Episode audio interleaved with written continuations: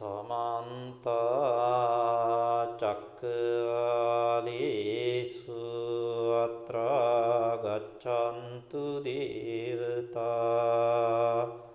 සද්ධම්මං මුනි රාජස්ස සුනන්තු සංඝ මොක්ඛදං ධම්මස් සවන කාලෝ අයං භදන්තා ධම්මස්සවන කාලෝ අයං බදන්තා.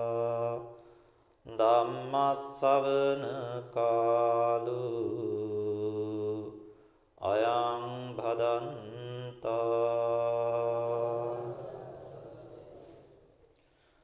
නමෝ තස්ස භගවතු අරහතු සම්මා සම්බුද්දස්ස නමෝ තස්ස භගවතු අරහතු සම්මා සම්බුද්දස්ස නමෝ තස්ස භගවතු අරහතු සම්මා සම්බුද්දස්ස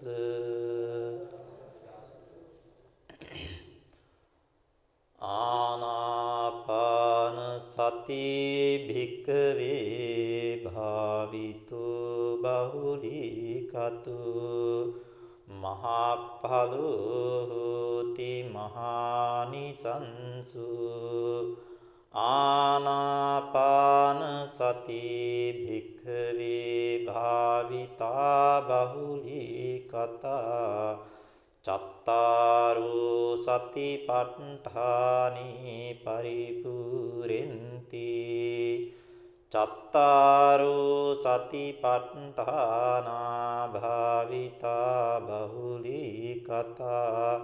සත්ත බොජ්ජංගේ පරිපූරෙන්ති සත්ත බොජ්ජංගා භාවිතා බහුලී කතා. විඤ්ජා විමුක්තිං පරිපූරෙන්ති ශ්‍රද්ධාවන්ත පින්නතුනි තුන් ලෝකාග්‍ර වූ භාග්‍යවත් අරිහත් සම්්‍යක් සම්බුද්ධ දසබලධාරී සර්වඥ සම්මා සම්බුදුරජාණන් වහන්සේ විසින් දේශනා කරන්ට යෙදුණු සූත්‍ර පිටකයේහි මජ්ක්‍ධිම නිකායේ උපරි පණ්ණාසිකේ එන ආනාපාන සති සූත්‍රයේහි සූත්‍ර පාඨයකුයි මේ අවස්ථාවේදී ධර්ම දේශනය සඳහා මාතෘකා කරන්නට යෙදුනේ. ආනාපාන සති භාවනාව පිළිබඳව ධර්ම දේශනාවක් කරන්න කියලා මතක් කිරීමක් තිබුණා. ඒ මතක් කිරීම අනුව ආනාපාන සති භාවනාව පිළිබඳව පැයක පමණ කාලයක් තුල ලබා දෙන්න පුළුවන් දැනුම එක ඒක රාශි කරමිනුයි ආනාපාන සති භාවනාව පිළිබඳව අපි මේ සූත්‍ර දේශනාවක් මාතෘකා කරන්නට යෙදුනේ. මේ සූත්‍ර දේශනාවේදී බුදුරජාණන් වහන්සේ දේශනා කරනවා ආනාපාන සති භික්කවේ භාවිතෝ බහුලීකතෝ මහප්ඵලෝ හෝති මහානිසංසෝ මහණෙනි ආනාපාන සති භාවනාව යමෙක් භාවිත බහුලීකృత කරනවා නම් මහත්ඵල මහානිසංස වෙනවා ආනාපාන සති භික්කවේ භාවිතා බහුලීකතා චත්තාරෝ සතිපට්ඨානේ පරිපූර්ෙන්ති යමෙක් මහණෙනි ආනාපාන සති භාවනාව භාවිත බහුලීකృత කරනවා නම් සතර සතිපට්ඨානෙම වැඩුව බවටපත් වෙනවා. චත්තාරු සතිපට්ඨානා භාවිතා බහුලීකතා සත්ත බොජ්ජංගේ පරිපූර්ෙන්ති. යමෙක් සතර සතිපට්ඨානයන්ම වඩනවා නම් සප්ත බොජ්ජංගයන්ම වැඩුව බවටපත් වෙනවා පරිපූර්ණත්වයටපත් වෙනවා. සත්ත බොජ්ජංගා භාවිතා බහුලීකතා විඥා විමුක්තිං පරිපූර්ෙන්ති යමෙක් සප්ත බොජ්ජංග ධර්මයන් භාවිත බහුලීකృత කරනවා නම් ඒ අය විද්‍යා විමුක්තිය හෙවත් උතුම් නිර්වාණය සාක්ෂාත් කරගන්නවා කියන එකයි මේ සූත්‍ර පාඨයේ කෙටිම අර්ථය. ආනාපාන සති භාවනාව පිළිබඳව මේ පින්නතුන් කවුරුත් දන්නව හැම දිනෙකම මේ භාවනාව පුරුදු පුහුණු කරන කට්ටිය ආනාපාන සති භාවනාව පිළිබඳව බුදුරජාණන් වහන්සේ නිරන්තරයෙන් බොහෝ සූත්‍ර දේශනාවල දේශනා කරලා තිබෙනවා. ත්‍රිපිටකෙහි ආනාපාන සති භාවනාව පිළිබඳව බොහෝ සූත්‍ර දේශනාවන් වල මුණ ගැහෙනවා අපිට.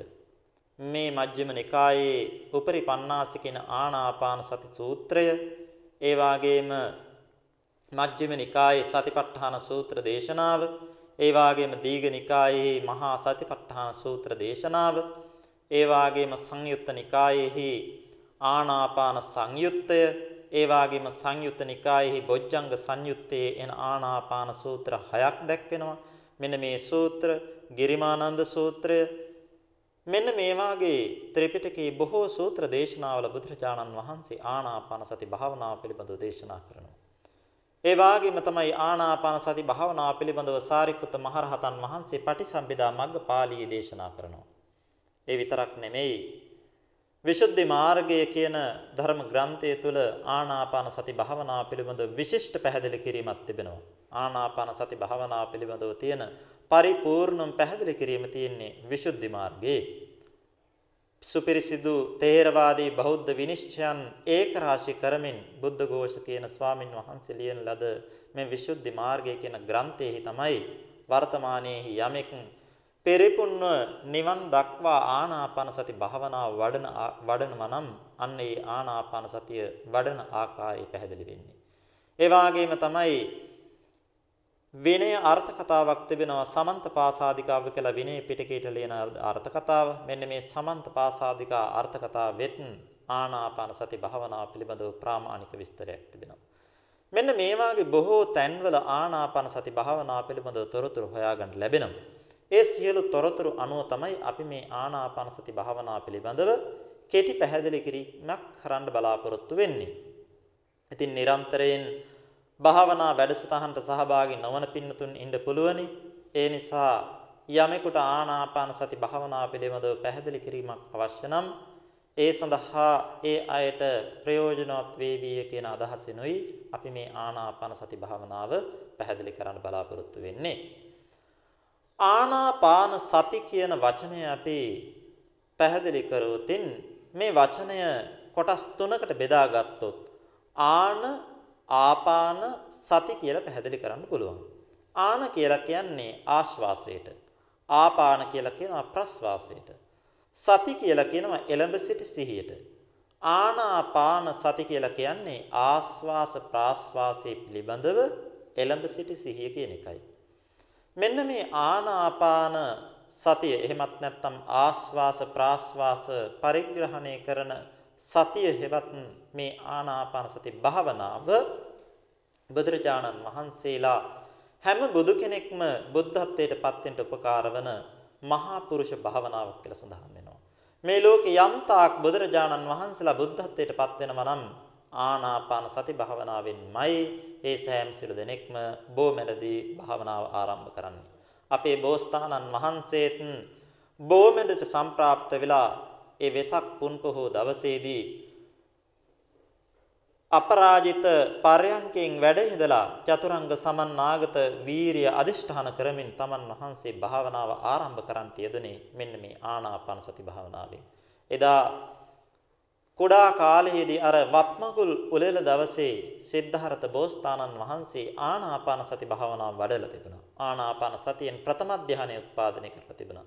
මේ නිසා උන්වහන්සේ බොමෙඩදී ඒ තමන් කුඩා කල වඩන ලද ආනාපාන සතියම නැවතත් සිහියට නගා ගනිමින් ආනාපාන සති භාවනාවෙන් ප්‍රථම ධානය, ဒုတိ ය ධානය, තතිය ධානය, චතුර්ථ ධානය යනාදී වශයෙන් සතර ධානයන්ම උත්පාදනය කරලා එතනින් එහාට කසින භාවනාවන් වලදී සියලුම කසින සමාපත්තීන් උත්පාදනය කරලා ඒ බොමැඩ දීම අරූප ධාන සමාපත්තීන් උත්පාදනය කරලා ඒ අරූප ධාන සමාපත්තීන් සහිත අෂ්ට සමාපත්තීන් 14 ආකාරයකට වශී භාවයට පමුණුවලා රාත්‍රී పూర్ව යාමේදී පුබ්බේ නිවාසානුස්මෘතිය මධ්‍යම යාමේදී දිවස් නුවණ යනාදී වශයෙන් තමන්ගේ නුවණ පිරිසිදු කරගෙන අවසානයේදී උතුම් සම්මා සම්බුද්ධත්වයට පත්වනෙත් මෙන්න මේ ආනාපාන සති භාවනාව මුල් කරගෙනමයි.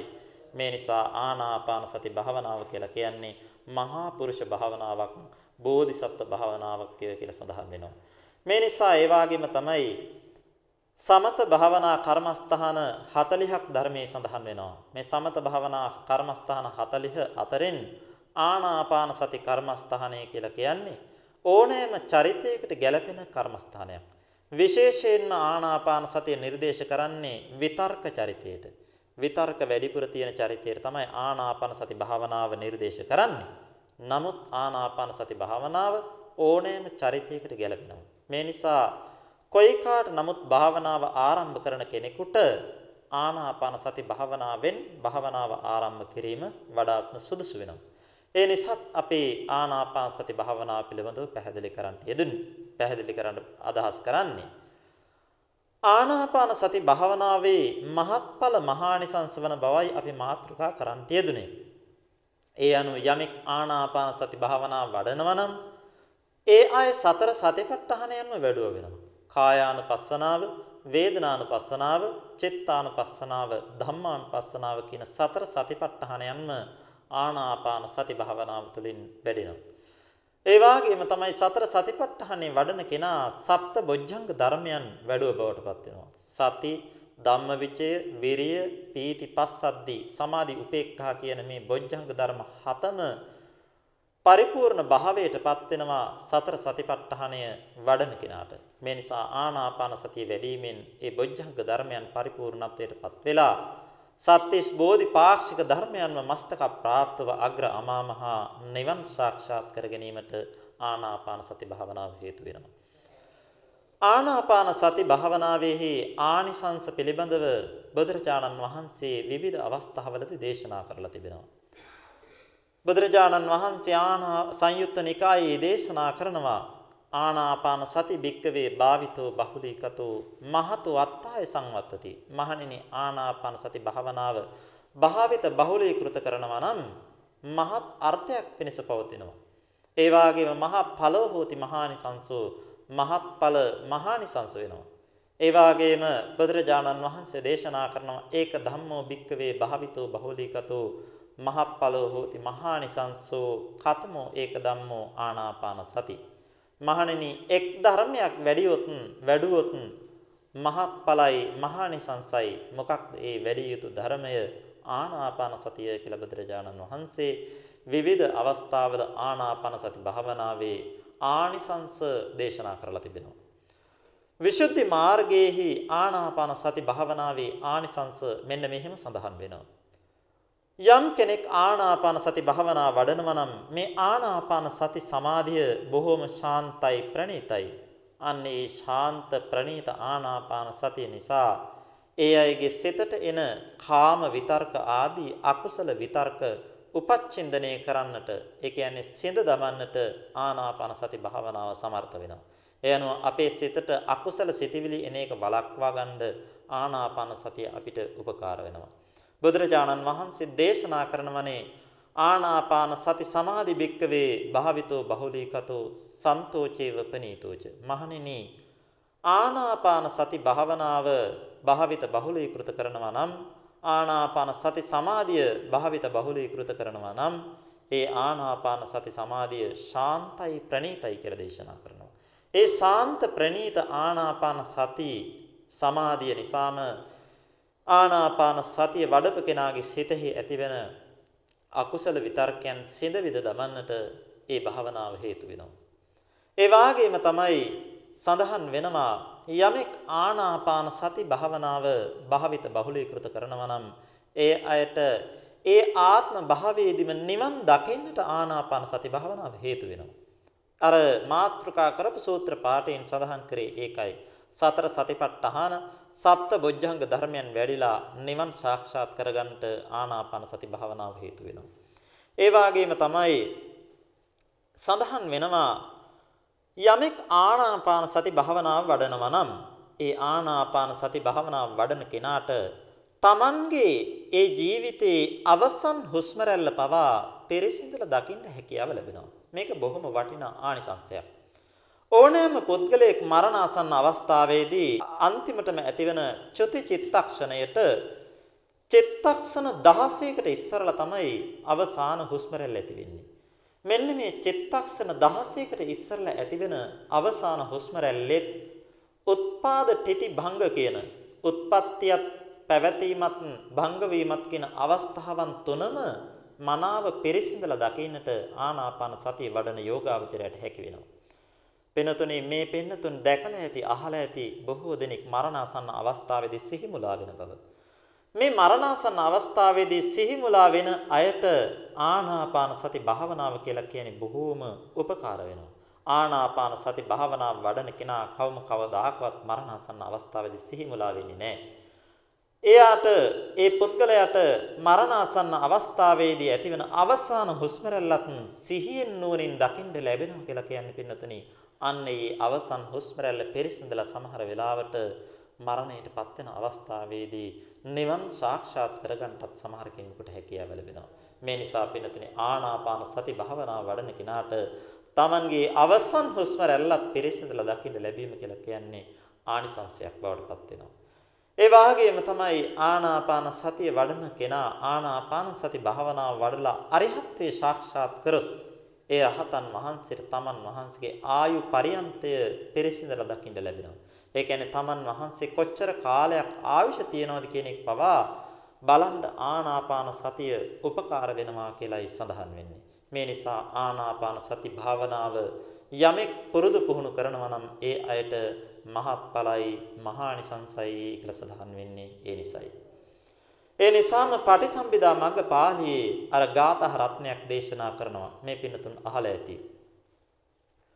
ආනාපාන සතියස්ස පරිපුන්නා සුභාවිතා අනුපුබ්බං ಪರಿචිතා යතහා බුද්දේන දේසිතා සෝ ඉමං ලෝකං පභාසේති අබ්භාමුත්තු චන්දිමා ආනාපාන සති යස්ස පරිපුන්නා ස්වභාවිතා යස්ස යම් යෝගාවචරයන් වහන්සේ කෙනෙකුට ආනාපාන සති මේ ආනාපාන සති භාවනාව පරිපුන්නා ස්වභාවිතා පිරිපුන් කරලා මනසේ වඩන ලද්දේ නම් අනුපුබ්බම් ಪರಿචිතා අනුපිළිවෙලින් වඩන ලද්දේ නම් යතහ බුද්ධේන දේශිතා.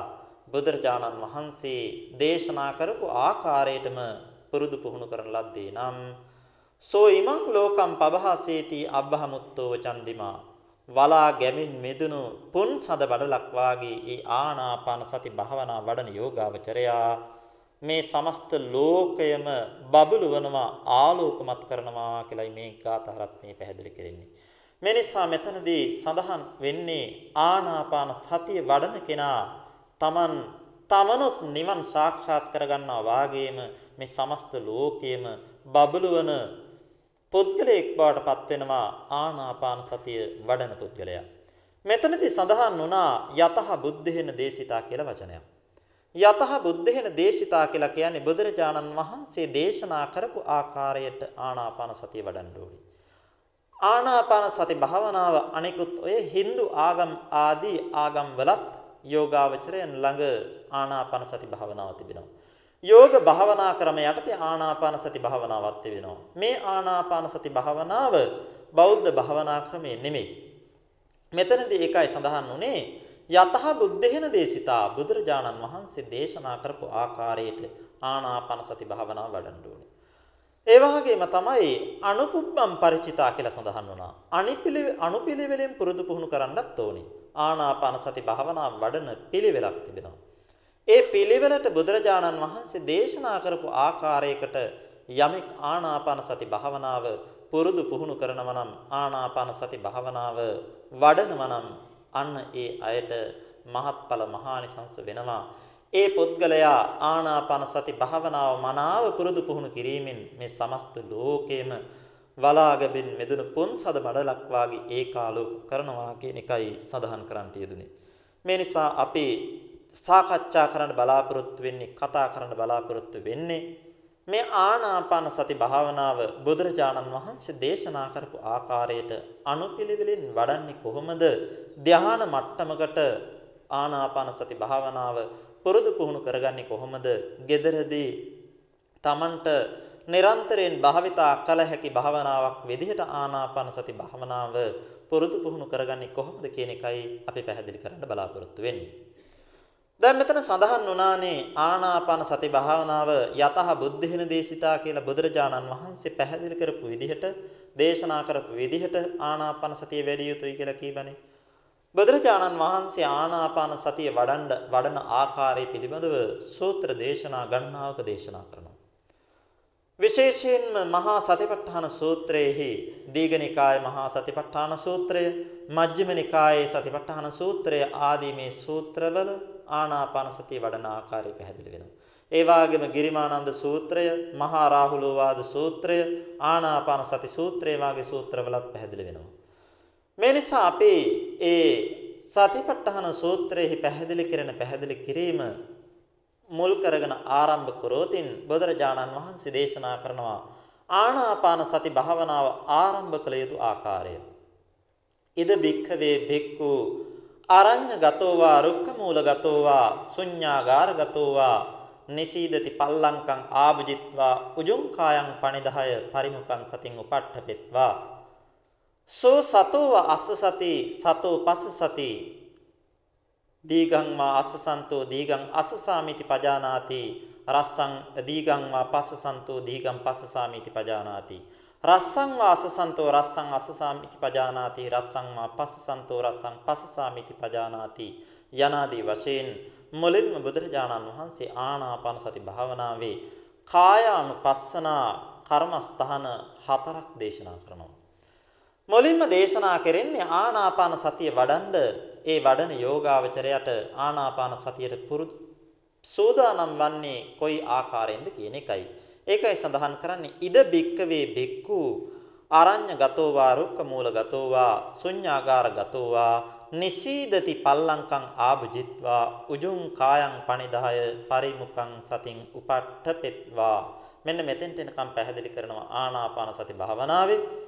භාවනාවට සෝදානම් වෙන්නේ කොයි ආකාරයෙන්ද කියන එක. ඉද බික්කවේ කියලා කියවහම මේ ශාසනයෙහි භික්ෂුව මේ ශාසනයෙහි කියලා කියවහම අනිකුත් ශාසනයන් මෙතනදී ප්‍රතික්ෂේප කරනවා.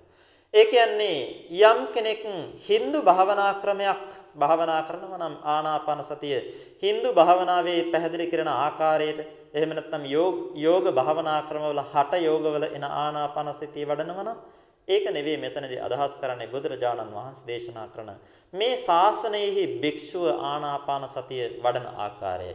ඉද භික්කවේ භික්ඛු කියලා ආරම්භ කරන්නේ ඒකයි. අරඤ්‍ය ගතෝවා රුක්ක මූල ගතෝවා ශුඤ්ඤාගාර ගතෝවා කියන වචන කීපයෙන් පැහැදිලි කරන්නේ මේ ආනාපාන සති භාවනාව වඩන්න සුදුසු සෙනසුනක් තෝරා ගන්න ආකාරයයි. ඉතින් ආරණ්‍ය ගත වූවා කියලා කියන්නේ ආරණ්‍යයකට එහෙම නැත්නම් වන සෙනසුනකට ගියා කියන එකයි. රුක්ක මූලගතෝවා කියලා කියන්නේ රුක් මුලකට යනවා කියන එකයි. ශුන්‍යාගාරගතෝවා කියලා කියන්නේ ශූන්‍යාගාරයකට මිනිසුන්ගෙන් රහිත තැනකට යනවා කියන එකයි. මේ හැම තැනකින්ම පැහැදිලි කරන්නේ ආනාපාන සති භාවනාවට සුදුසු සෙනසුනක ලක්ෂණයන්. ඉතින් මෙතනදී අපි වරදවා ගන්න සුදුසු නැහැ. ආනාපාන සතිය වඩන නම් අනිවාර්යයෙන්ම කැලයක් ඇතුළට යන්න ඕනේ. එහෙම නැත්නම් ගහක් මුලට යන්න ඕනේ. එහෙම නැත්නම් ශූන්‍යාගාරයකට යන්න ඕනේ කියලා වැරදි වැටහීමක් ඇති කරගන්න සුදුසු නැහැ. මෙතනදී සඳහන් කරන්නේ ආනාපාන සති භාවනාව කියලා කියන්නේ බොහොම බැරෑරුම් භාවනාවක්නේ. බෝධිසත්ව භාවනාවක්නේ. මේ නිසා මේ භාවනාවට බාධක ඇතිවෙන ශබ්ද ආදීන් තොර නිස්කලංක පරිසරයක් තෝරාගත යුතුයි කියන එකයි. තමන්ගේ gedara තමන්ගේ නිදන කාමරයේ මේ නිස්කලංක පරිසරයේ තිබෙනවා නම් පින්නතුනේ මෙන්න මේ තමන්ගේ නිදන කාමරයත් ආනාපාන සති භාවනාවට සුදුසුයි. මෙන්න මේකයි අරඤ්‍ය ගතෝවා ආදී වචන වලින් භාග්‍යතුන් වහන්සේ පැහැදිලි කරන්නේ. සප්පාය සෙනසුනක් තමන්ට තෝරගන්න තමන්ට භාවනාවට සුදුසු පරිසරයක් තෝරගන්න කියන එකයි. බොහෝ මිනිසුන් ගැවසෙන බොහෝ මිනිසුන් කතා බහ කරන උස්හලින් හඬ නැගින තැන්වල ආ භාවනාව ආරම්භ කරන යෝගාවචරයන් වහන්සේ කෙනෙකුට අපහසුයි. අන්න ඒ නිසයි ආනාපාන සතිය භාවනාව වඩන්න ඉස්සරලා මෙන්න මේ විදිහට සප්පාය සේනාසනයක් සුදුසු පරිසරයක් තෝරා ගන්න කියලා පැහැදිලි කරන්නේ. මේ ළඟට පැහැදිලි කරනවා උජුං කායං පල්ලංකං ආභජිත්වා උජුං කායං පනිදාය පරිමුඛං සතින් උපට්ඨපෙත්තා. මෙන්න මේ ළඟට භාවනාවට වාඩි වෙන්න ඕනි ආකාරය පැහැදිලි කරනවා. පල්ලංකම් ආභුජිත්වා කියලා කියන්නේ බද්ධ පරයන්කයකින් වැඩ ඉඳීම වඩාත්ම සුදුසුයි. බද්ධ පරයන්කය කියලා කියන්නේ පద్මාසනය කියලා කියන්නේ. මේ පద్මාසනෙන් වැඩ ඉන්න පුළුවන් නම් වඩාත්ම සුදුසුයි. එහෙම නැත්නම් සාමාන්‍යයෙන් පිරිමි අය වාඩි වෙන ආකාරයකට එරමිනියා ගොතාගෙන හරි එහෙම නැත්නම් කාන්තාවන්ට කැප ක්‍රමයකට අර්ධ පරයන්කෙන් හරි වැඩ ඉන්න පුළුවනි. මෙන්න මේ විදිහට වාඩි වෙලා එකයි පල්ලංකම් ආභජිත්වා කියලා කියන්නේ. උජුං කායං පනිදාය. මෙන්න මේ වචනේ බොහොම වැදගත්. අනෙකුත් කිසිම භාවනාවකට බුදුරජාණන් වහන්සේ දේශනා කරන්නේ නැහැ. පැහැදිලි ඉරියව්වක් ප්‍රකාශ කරන්නේ නැහැ. නමුත් ආනාපාන සති භාවනාවට පැහැදිලි ඉරියව්වක් ප්‍රකාශ කරනවා. මොකක්ද? උජුං කායං පනිදාය කියලා කියන්නේ මේ කය ඍජුව පවත්ව ගන්න ඕනේ. මේ කයේ පෙට කොන්දේ තිබෙනවා කොඳු වැට 18ක් තිබෙනවා. මේ කොඳු වැට 18 එකක් මත එකක් පිහිටන ආකාරයට මේ කොන්ද හොඳට ඍජුව තියෙනවා නම් කෙලින්ම තියෙනවා නම් බොහෝ වේලාවක් භාවනාව කරන්න පුළුවන්. එහෙම නැති වුණොත් එහෙම මේ කොඳු වැට එකක් මත එකක් පිහිටලා තිබුණ නැත්නම් මස් පිටවල වේදනා ඇති වෙලා ටික වෙලාවක් යනකොට කොන්දේ යම් යම් වේදනා ඇති වෙනවා. මේ නිසා තමයි භාවනාව කරන්න ඉස්සරලා මේ කය ඍජු කරගන්න කියලා කියන්නේ.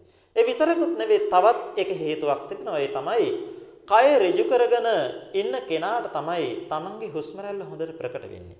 එහෙම නැතුව කය ඉදිරියට නමාගෙන හිටියොත් එහෙම හුස්ම රැල්ල හොඳට ප්‍රකට වෙන්නේ නැහැ. මෙන්න මේ නිසා කය ඍජු කරගන්න කියලා පළමුවෙන්ම දේශනා කරනවා. ඒකයි උජුං කායං පනිදාය කියලා සඳහන් කරේ. මේ විදිහට කය ඍජු කරගෙන බද්ධ පර්යංකෙන් වැඩ ඉන්න කෙනාට මීළඟට කියනවා පරිමුඛං සතින් උපට්ඨපෙත්වා කියලා. මෙන්න සිහිය එළඹ යුතු ආකාරය පැහැදිලි කරනවා. එහෙමනම් භාවනාවට සුදුසු පරිසරයක් වෙතට යන භාවනා කරන පුද්ගලයා Tamanට සුදුසු ආකාරයකට ගැළපෙන ආකාරයකට බිම ඉඳගෙන එහෙම නැත්නම් බිම ඉඳගෙන භාවනා කරන්න අපහසු කෙනෙකුට මිටි පුටුවක් වාගේ ආසනයක උනත් කමක් නැහැ. නමුත් පුටුවක වාගේ වාඩි වෙනවා නම් තමන්ගේ දෙපතුල් හොඳට බිමට ගෑවෙන්න බිමට ස්පර්ශ වෙන්න ඉඳ ගැනීම තමයි භාවනාවට වඩාත්ම යෝග්‍ය වෙන්නේ. ඒ වගේම තමයි කය ඍජු කරගෙන ඉන්න ඕනේ. බිම ඉඳගෙන හෝ පුටුවේ හෝ ඉඳගෙන ඉන්නකොට මේ කෙනා තමන්ගේ කය හොඳට ඍජු කරගන්න ඕනේ. කය ඍජු කරගෙන සමහර කෙනෙක් භාවනා කරද්දී බිත්තියකට කණුවකට වාගේ හේතු වෙන්න උත්සාහ කරනවා. නමුත් මේ භාවනාවට මෙහෙම හේතු වෙන එක සප්පාය නෑ සුදුසු නෑ. මේ නිසා හේතු වෙන්නේ නැතුව කය ඍජු කරගෙන ඉන්න පුළුවන් නම් තමයි ආනාපාන සති භාවනාව වඩන්න ඒක වඩාත්ම පහසු වෙන්නේ වඩාත්ම භාවනාවේ අභිවෘද්ධියක් බලාපොරොත්තු වෙන්න පුළුවන් වෙන්නේ. මේ නිසා හේතු වෙන්නේ නැතුව කය ඍජු කරගෙන තමන්ගේ වම් අත උඩ දකුණු අත පිහිටවලා තමන්ගේ මහපට ඇඟිලි දෙක එකක් අනෙකට ගෑවෙන විදිහට තමන් වාඩි වුණාම මෙන්න මේ ආසනයේදී තමන්ගේ මුළු කයම එකට සම්බන්ධ වෙනවා. මුළු කයම එකට සම්බන්ධ වෙලා තමන්ගේ සිත සමාධිමත් වෙන තත්වයකටපත් වෙනවා. මෙන්න මේ අවස්ථාවේදී තමයි ආනාපාන සති භාවනාව වඩන්න කියලා පැහැදිලි කරන්නේ. අන්න ඒකයි උජුං කායං පණිදහය මීළඟට කියනවා කොහොමද භාවනාව ආරම්භ කරන්නේ මේ විදිහට ඉඳගත්තු පුද්ගලයා කය ඍජු කරගෙන තමන්ගේ වම් අත උඩ දකුණු අත තියාගෙන භාවනාව ආරම්භ කරන පුද්ගලයා පළමුවෙන් බුදුරජාණන් වහන්සේ දේශනා කරනවා පරිමුඛං සතින් උපට්ඨපෙත්තා තමන්ගේ මොහොන ඉදිරියේහි සිහිය පිහිටව ගන්න කියලා කියනවා. මොහොන ඉදිරියේහි සිහිය පිහිටව ගන්නේ කොහොමද? මෙතනදී මොහොන ඉදිරිය හරියට මොහොන කණ්ණාඩියකින් බලනවා වාගේ බැලීමක් නෙමෙයි අදහස් කරන්නේ. මෙතනදී කියන්නේ මොහොන ඉදිරියේ සිහිය පිහිටවීම කියන එකෙන් අදහස් කරන්නේ Tamanගේ හුස්ම රැල්ල ගැටෙන නාසිකාග්‍ර කෙළවර සිහිය පවත්වා ගන්නවා කියන එකයි. දැන් මෙතනදී වැදගත් වෙනවා හැම කෙනෙක්ගේම හුස්ම ගන්නකොට ආස්වාස ප්‍රාස්වාස කරනකොට Tamanගේ නහස්පුඩු දෙකේ නහස් නහසිකාග්‍රේ කෙළවර මේ හුස්ම රැල්ල ගෑවිගෙන තමයි යන්නේ. සමහර කෙනෙක්ගේ නහය නහසය ටිකක් උඩට හැරිලා තියෙන කෙනෙක්ගේ නාසිකාග්‍ර කෙළවර හුස්ම රැල්ල ගෑවෙන්නේ නැතිව උඩු තොලේ වාගේ හුස්ම රැල්ල ගෑවෙන්න පුළුවන්. එහෙමනම් අන්න එතන තමයි මේ පරිමුඛන් සතින් උපට්ඨපෙත්වා කියලා කුණ කියන්නේ. එතකොට නාසිකාග්‍ර කෙළවර වෙන්න පුළුවනි. එහෙම නැත්නම් උඩු තොලේ වෙන්න පුළුවනි. තමන්ගේ හුස්ම රැල්ල ගෑවෙන තැන තමයි මේ යෝගාවචරයා පළමු කොටම තමන්ගේ සිත පිහිටව ගන්නේ. මෙන්න මෙතන තමන්ගේ සිහිය පිහිටව ගත යුතුයි කියන එකයි පරිමුඛං සතින් උපට්ඨමිත්වා කියලා කියන්නේ. පරිමුඛං කියලා කියන්නේ මොහොන ඉදිරිය කියන එකයි. මොහොන ඉදිරිය කියලා කියනකොට හුස්ම ගැටෙන තැන නාසිකාග්‍ර කෙළවර හරි උඩුතල හරි තමයි අදහස් කරන්නේ. මෙන්න මෙතන තමන්ගේ සිත තබාගෙන තමන්ගේ හුස්ම රැල්ල කෙරෙහි අවධානය යොමු කර ගැනීමයි ආනාපාන සතිය වඩන යෝගාවචරයා පළමුවෙන්ම කළ යුතු වෙන්නේ. මේ නිසායි මෙතෙන්ට එනකනොයි මේ පරිමුඛං සතින් උපට්ඨපෙත්වා කියලා සඳහන් කරේ. මේලකට අන්න බුදුරජාණන් වහන්සේ පළමුවෙන්ම ආනාපාන සතිය වඩන කෙනා කල යුතු භාවනා කෘත්‍ය පළවෙනි කර්මස්ථානය දේශනා කරනවා. කොහොමද? සෝ සතෝව අස්ස සති සතෝ පස සති මෙන්න ආනාපාන සතිය වඩන යෝගාවචරයා සතෝව අස්ස සති සිහියෙන්ම ආස්වාස කරයි සතෝ පස සති සිහියෙන් ප්‍රස්වාස කරයි එහෙමනම් සිහියෙන්ම ආස්වාස කරනවා සිහියෙන්ම ප්‍රාස්වාස කරනවා කොහොමද අපි මේක ප්‍රායෝගිකව කරන්නේ නාසිකාග්‍ර කෙලවර පළමු කොටම Tamanගේ සිත පිහිටවාගෙන නාසිකාග්‍රයෙන් නාසිකාග්‍ර කෙළවරෙන් ඉහළට යන පහළට හෙළන හුස්ම රැල්ල පළමු කරින් පළමු කොටම Taman අවබෝධ කරගන්න ඕනේ. ඉතින් Tamanට මේක ටික වෙලාවක් යනකොට තමයි පැහැදිලි වෙන්නේ. ටිකක් සිත එහෙට මෙහෙට විසිරෙන කෙනෙකුට එකපාරම නාසිකාග්‍ර කෙළවර හුස්ම රැල්ල ගැටෙන තැන තේරෙන්නේ ඒ වෙලාවට සමහර කෙනෙකුට පුළුවන් ටිකක් හුස්ම රැල්ල පහළට ටිකක් වේගයෙන් හෙළුවොතින් උණුසුම් හුස්ම රැල්ල ගැටෙන තැනක් Tamanට තේරෙනවා. මෙන්න මෙතන තමයි නාසිකාග්‍ර කෙළවර හුස්ම රැල්ල පහළට යනකොටත් ඉහළට යනකොටත් ගැටෙන්නේ. මෙන්න මේ කෙළවර Taman හිත තියාගන්නවා. අන්න එතන හිත තියාගෙන හුස්ම රැල්ල ඉහළට යාමත් පහළට යාමත් කෙරෙහි සිත සිත සිහියෙන් මෙනෙහි කරගන්න ඕනේ. ශරීර අභ්‍යන්තරයටවත් සමස්ත ශරීරයවත් මෙනෙහි නොකළ යුතුයි. මෙන්න මේක වැදගත්ම පණිවිඩය. සමහර වෙලාවට ආනාපාන සති භාවනාව කරන සමහර අය මේ තමන්ගේ සිත හුස්ම රැල්ලත් එක්ක ශරීර අභ්‍යන්තරයට අරගෙන යනවා. මේ නාසිකාග්‍රය, හදවත, නාභිය මෙන්න මේ වගේ තැන් බලනවා ආනාපාන සතියත් එක්ක, හුස්ම රැල්ලත් එක්ක. මේක වැරදි භාවනා ක්‍රමයක්. මේ භාවනා ක්‍රමය බෞද්ධ භාවනා ක්‍රමයට ගැලපෙන්නේ නැහැ. ඒක ගැලපෙන්නේ නැත්තේ කොහොමද කියලා මම ඉදිරියේදී පැහැදිලි කරන්නම්. මේ නිසා අපි පළමු කොටම කළ යුත්තේ නාසිකාග්‍ර කෙළවර හුස්ම රැල්ල ගැටෙන තැන තමන්ගේ හිත තබා ගන්න එක. මෙතන හිත තබාගෙන ඒ නහසිකාග්‍ර කෙළවරෙන් ඉහළට හුස්ම රැල්ල යනකොට ගනිමි කියලා මෙනෙහි කරන්න. ගනිමි කියන වචනේ Taman අදහසක් ඇති කරගත්තා හුස්ම රැල්ල ඉහළට ගන්නවා කියලා. පල්ලහැට හුස්ම රැල්ල පහළට හෙලනකොට මෙතනින් මෙතනම හිත තියාගෙන නහසිකාග්‍ර කෙළවරම හිත තියාගෙන පහළට හුස්ම රැල්ල හෙලනකොට හෙලමි කියලා මෙනෙහි කරන්න. ඒ අනුව ඉහළට ගන්න වෙලාවේදී ගනිමි කියලත් පහළට හෙළන වෙලාවේදී හෙළම කියලත් මෙනෙහි කරමින් නාසිකාග්‍ර කෙළවරම සිත තබාගෙන ඉඳීම තමයි ආනාපාන සති භාවනාවේ පළවෙනිම පියවර සෝ සතෝව අස සති සතෝ පස සති කියලා බුදුරජාණන් වහන්සේ දේශනා කරේ ඒකයි. මේ නිසා මේක බොහොම පහසුයි.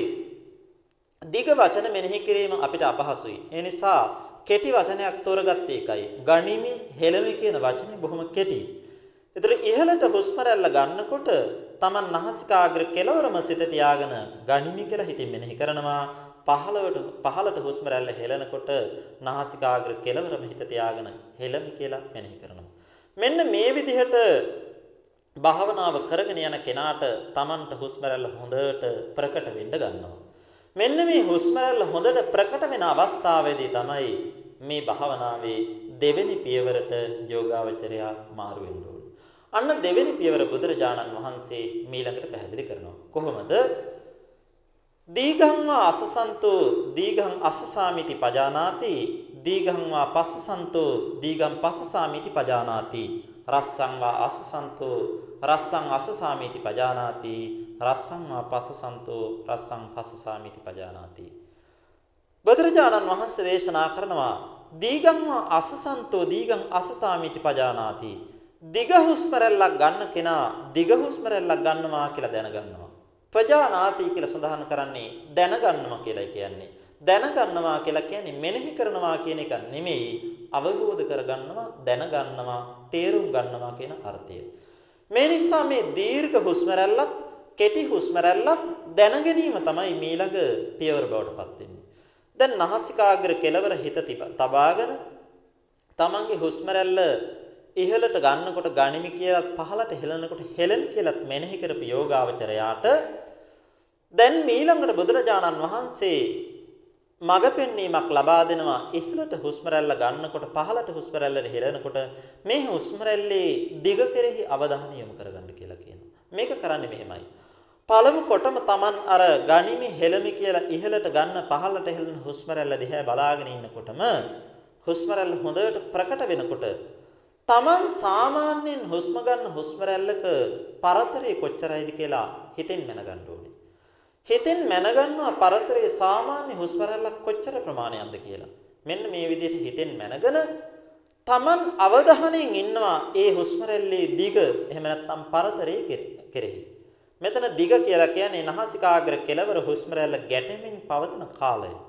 ඒතර බොහෝ වේලාවක් ගැටෙනවා නම් ඉහළට ගන්නකොට අන්න දිග හුස්ම රැල්ලක්. කෙටි වේලාවක් නම් ගැටෙන්නේ අන්න කෙටි හුස්ම රැල්ලක්. මෙන්න මේ විදිහට දිග හුස්ම රැල්ලත් කෙටි හුස්ම රැල්ලත් හඳුනාගත යුතුයි. ඒ අනුව යෝගාවචරය පළමුව Taman සාමාන්‍ය හුස්ම රැල්ලක් කොපමණ දිගකින්ද කියලා හිතෙන් මැනගෙන Taman අර නාසිකාග්‍ර කෙලවර විතරක්ම හිත තියාගෙන වෙන කොහෙවත් හිත ගෙනියන්නේ නැතිව එතනින් යන හුස්ම රැල්ල කෙරෙහි බලාගෙන ඉන්නවා. මෙන්න එතනින් යන හුස්ම රැල්ල කෙරෙහි බලාගෙන ඉන්නකොට Tamanට දැනෙනවා සමහර හුස්ම රැල්ලක් ටිකක් සාමාන්‍ය හුස්ම රැල්ලට වඩා වැඩි වේලාවක් ඉහළට අරගන්නවා. වැඩි වේලාවක් පහළට හෙලනවා. ඒ කියන්නේ දිග හුස්ම රැල්ලක් හෙලනවා දිග හුස්ම රැල්ලක් ගන්නවා. මෙන්න මේ වෙලාවේදී වචනයෙන් මෙනෙහි කරන්නේ නැහැ දිගයි දිගයි කියලා. වචනයෙන් මෙනෙහි කරන්නේ නැහැ. මේක තේරුම් ගන්නවා මගේ හුස්ම රැල්ල දිග හුස්ම රැල්ලක් කියලා. ඒ වාගේම තමයි හුස්ම රැල්ල හෙලන කොටත් මේ විදිහටම දිගට හෙලනවා නම් සාමාන්‍ය හුස්ම රැල්ලට වඩා ටිකක් දිග හුස්ම රැල්ලක් නම් වචනයෙන් මෙනෙහි කරන්නේ නැහැ. තේරුම් ගන්නවා දිග හුස්ම රැල්ලක් කියලා. ඒ වාගේම තමයි කෙටි හුස්ම රැල්ලක් නම් කෙටි හුස්ම රැල්ල වෙලාවෙදී වචනයෙන් මෙනෙහි කරන්නේ නැහැ. නමුත් තේරුම් ගන්නවා කෙටි හුස්ම රැල්ලක් කියලා. මෙන්න මේ විදිහට දෙවෙනි පියවර තමයි හුස්ම රැල්ලේහි දිග කෙරෙහි අවධානය යොමු කරගෙන දිග හුස්ම රැල්ලත් කෙටි හුස්ම රැල්ලත් පිළිබඳව අවධානය යොමු කරගන්න එක. ඉතින් මෙතනදී ධර්මයේ සඳහන් වෙනවා මේ ආනාපාන සතිය වඩන ආකාරය පිළිබඳව මේ දිග හුස්ම රැල්ල කෙටි හුස්ම රැල්ල ආදිය හඳුනගන්න ඒ වගේම හුස්ම රැල්ල හරියට Tamanට පරිග්‍රහණය කරගන්න අපහසු කෙනාට අභ්‍යාසයක් ධර්මයේ සඳහන් වෙනවා. මේකට කියනවා ගණනා කියලා. ගණනා අනුබන්ධනා යනාදී වශයෙන් මේ ධර්මයේ සඳහන් වෙනවා ආනාපාන සතිය වඩනකොට ඒ සඳහා කරන්න යම් යම් ක්‍රමවේදයන්. මෙතනදී ගණනා කියන ක්‍රමයේ අභ්‍යාසයක් අපිට දෙනවා. මොකක්ද? සමහර කෙනෙකුට මේ හුස්ම රැල්ල කෙරෙහි තමන්ගේ සිහිය පිහිටවා ගන්න අපහසුයි. සිහිය ගොඩාක් එහෙම දුවනවා නම් ඒ පුද්ගලයාට විශේෂ අභ්‍යාසයක් තිබෙනවා. මොකක්ද? තමන් අර තමන්ගේ නාසිකාග්‍ර කෙලවර ගැටෙමින් ඉහළ යන පහළ යන හුස්ම රැල්ල ගණන් කරන්න ක්‍රමයක් කියනවා. මෙතනදී අපි තේරුම් ගන්න ඕනේ විශේෂයෙන්ම කොහොමද මේ ගණන් කරන ක්‍රමය කරන්නේ කියලා. සාමාන්‍යයෙන් නිකන් 1 2 3 4 කියලා හුස්ම රැල්ල ගණන් කිරීම නෙමෙයි මෙතනදී කියන්නේ. මෙතනදී මෙන්න මේකයි කළ යුතු ක්‍රමය. ඉහළට හුස්ම රැල්ල ගන්නකොට 1යි කියලා හිතා ගන්නවා. ඒ වගේම පහළට හුස්ම රැල්ල හෙලනකොටත් 1යි කියලාම හිතා ගන්නවා. එතකොට ඉහළට ගන්න එකත් 1යි පහළට හෙලන එකත් 1යි. ඊළඟට දෙවෙනියට ඉහළට ගන්නකොට 2යි කියලා හිතා ගන්නවා. පහළට හෙලනකොටත් 2යි කියලා හිතා ගන්නවා. ඊළඟට ඉහළට ගන්නකොට 3යි කියලා හිතා ගන්නවා. පහළට හෙලනකොටත් 3යි කියලා හිතා ගන්නවා. මේ විදිහට පහට වැඩි 10ට අඩු සංඛ්‍යාවක් දක්වා ගණන් කරනවා. පහට සංඛ්‍යාව පහට වඩා වැඩි සංඛ්‍යාවක් වෙන්න ඕනේ. 10ට වඩා අඩු සංඛ්‍යාවක් වෙන්න ඕනේ. ඒතර 7ක් 8ක් වාගේ මට්ටමකට ගියාට කමක් නැහැ. ඒතර තමන්ගේ හුස්ම රැල්ල ගණනය ගණන් කරනවා.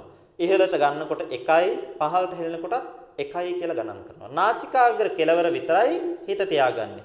වෙන කොහෙවත් හිත යවන්නේ නැතිව ඉහළට නාසිකාග්‍ර කෙලවරෙන් හුස්ම යනකොට 1යි කියලා මෙනෙහි කරනවා. පහළට යනකොටත් 1යි කියලා මෙනෙහි කරනවා. ඊළඟට ඉහළට ගන්නකොට 2යි කියලා මෙනෙහි කරනවා. පහළට යනකොට 2යි කියලා මෙනෙහි කරනවා. මේ විදිහට 7ක් 8ක් දක්වා යනවා. නැවතත් මුලින් ඉඳලා පටන් ගන්නවා. අයෙත් එකේ ඉඳලා අර ගානටම යනවා. මෙන්න මේ විදිහට කරනකොට සිහිය දියුණු වෙනවා.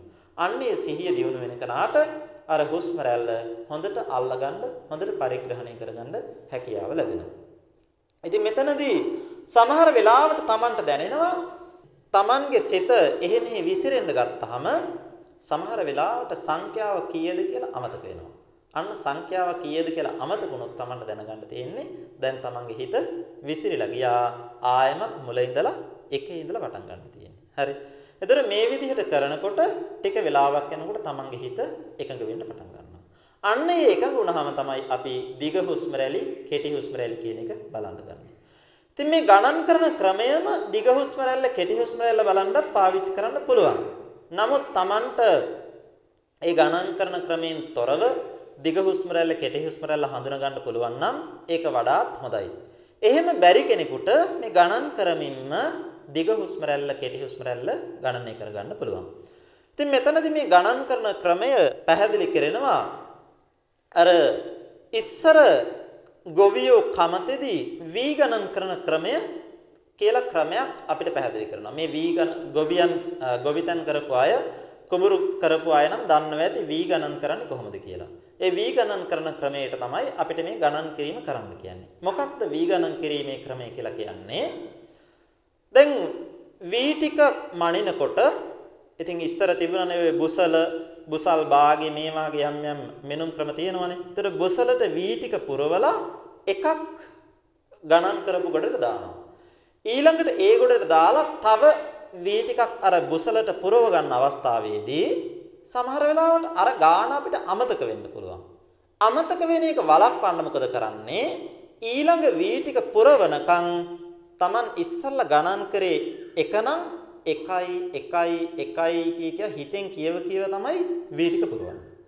අන්න දෙවෙනි වී ටික පුරවගත්තා දෙවෙනි එක හලලා 2යි කියලා කියනවා ඒ කියලා වෙර වෙලා ඊළඟට නැවතත් අර මනින මිනුමට අර භාජනයේට වී ටික පුරව ගන්නකම් 2යි 2යි 2යි 2යි කියලා හිත හිත ඉන්නවා. මෙන්න මේ වාගේ ආස්වාස ප්‍රාස්වාසයත් පරිග්‍රහණය කරගන්න අපහසු යෝගාවචරයට කියනවා මෙන්න මේ විදිහට ගණන් කරන්න.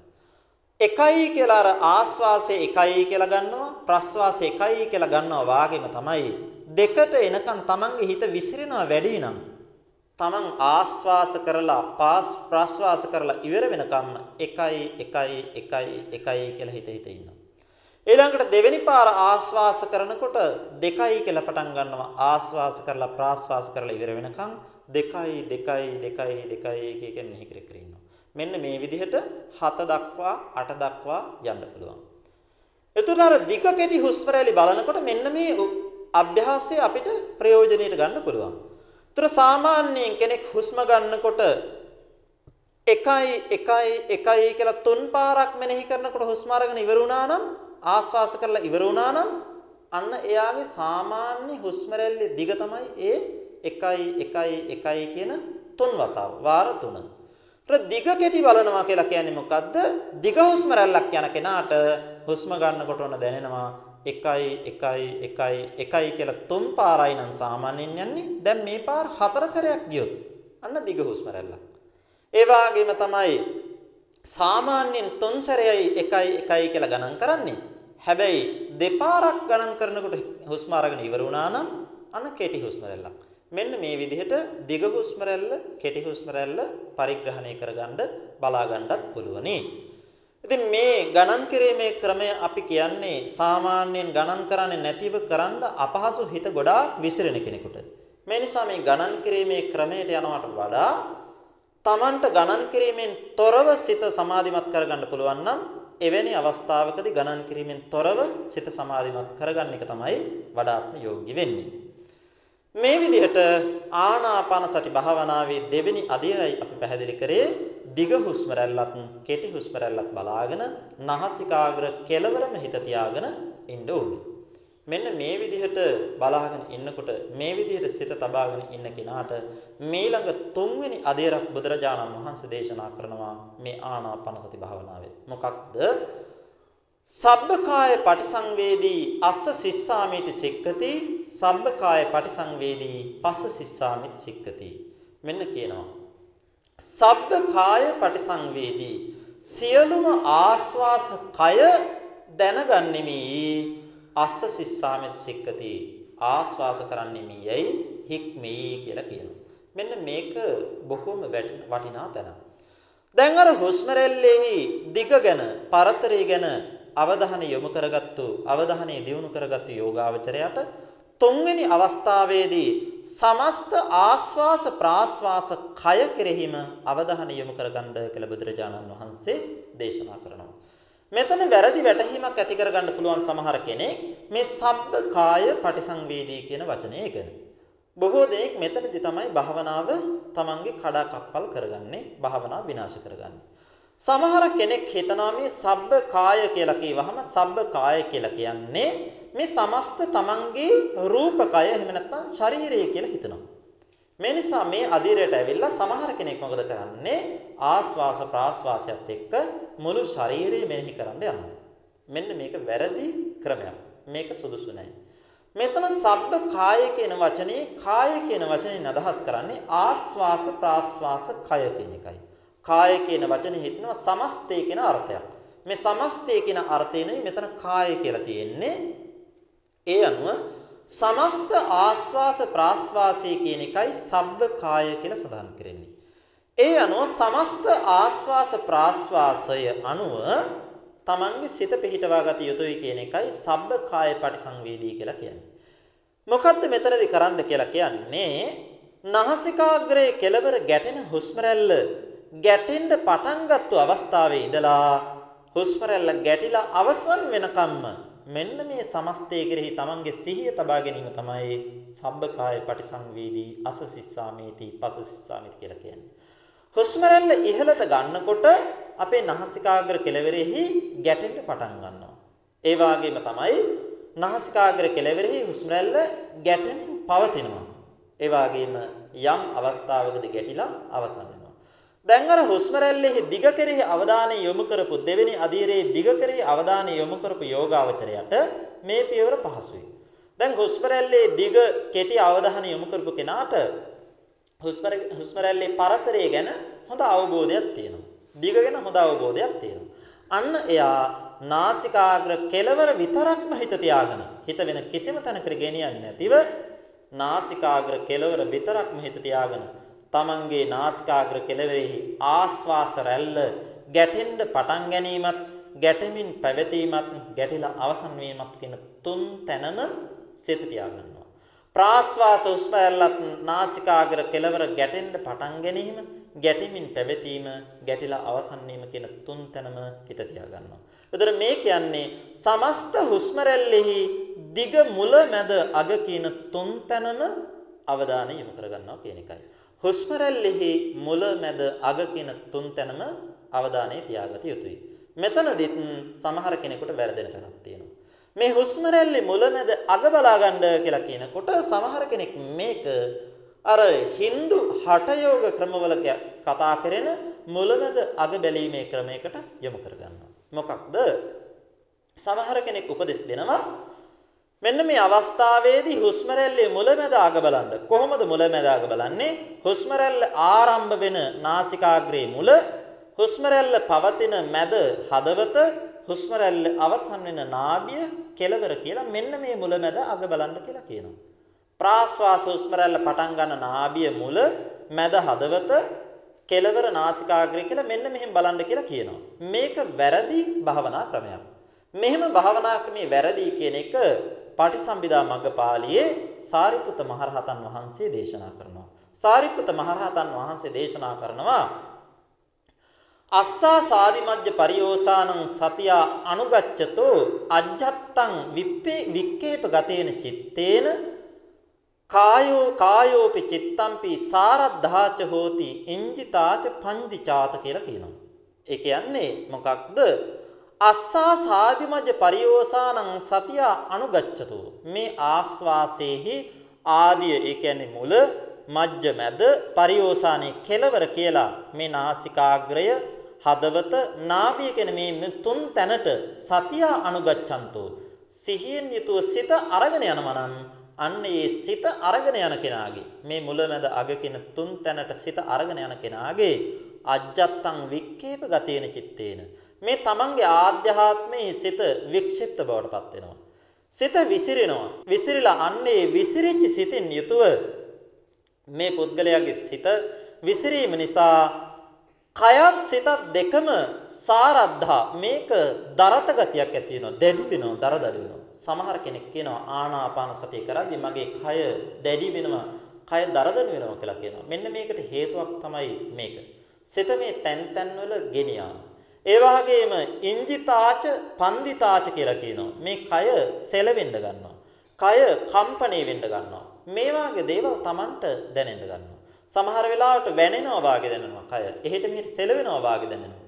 මෙන්න මේක වෙන්නේ සිත එකතන තියාගන්න නැතුව අර මුලමෙද අග කියන තුන් තැනට සිත ගෙනියාම නිසා.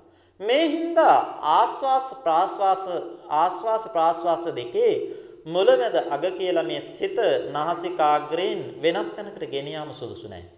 මෙතනදී මුලමෙද අග කියලා සඳහන් කරන්නේ නාසිකාග්‍ර කෙලවරම සිත තියාගෙන ආස්වාස ප්‍රාස්වාස හුස්ම රැල්ලේ මුල මැද අග කියන තුන් තැන අවධානය යොමු කර ගැනීමයි.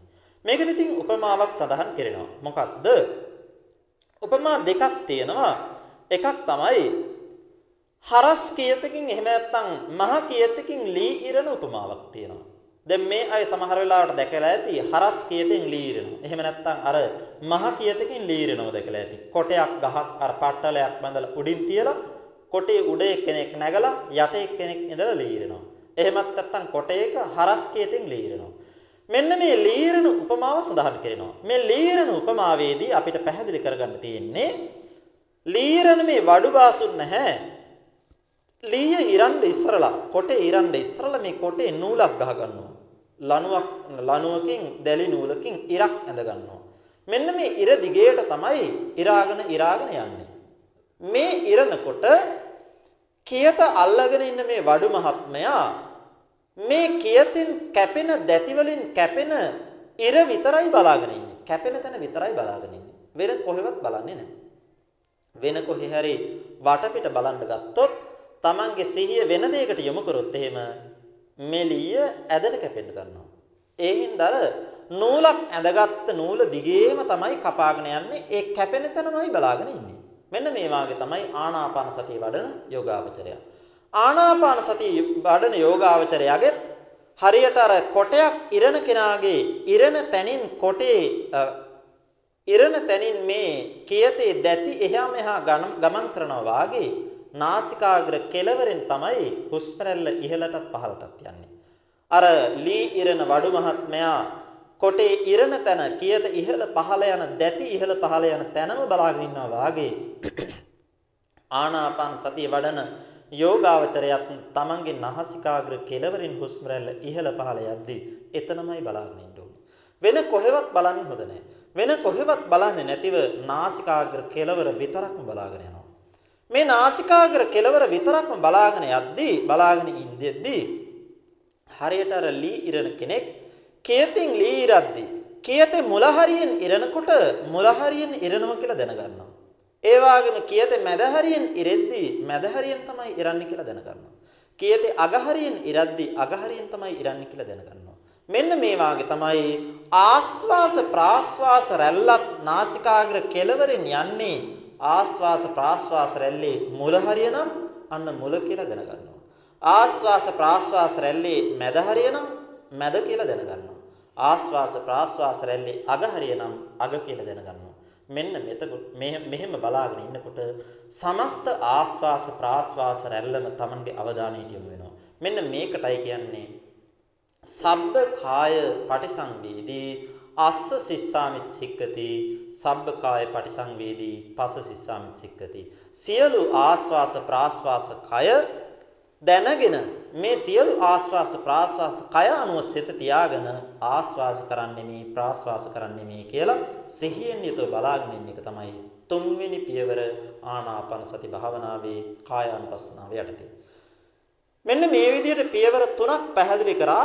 හතරවෙනි පියවර බුදුරජාණන් වහන්සේ මේළඟට පැහැදිලි කරනවා. පස්සම් භයං කාය සංකාරං අස සිස්සාමෙත් සික්කති. පස්සම් භයං කාය සංකාරං පස සිස්සාමෙත් කියලා. මේ විදිහට සමස්ත ආස්වාස ප්‍රාස්වාසයේ කෙරෙහිම බලාගෙන ඉන්නකොට මේ පුද්ගලයාගේ සිත සමාධිමත් වෙන්න ගන්නවා. සමාධිමත් වෙන්න වෙන්න ආස්වාස ප්‍රාස්වාස රැල්ල සියුම් වෙන්න ගන්නවා. මේක ආස් ආනාපාන සති භාවනාවේ තියෙන විශේෂ ලක්ෂණයක්.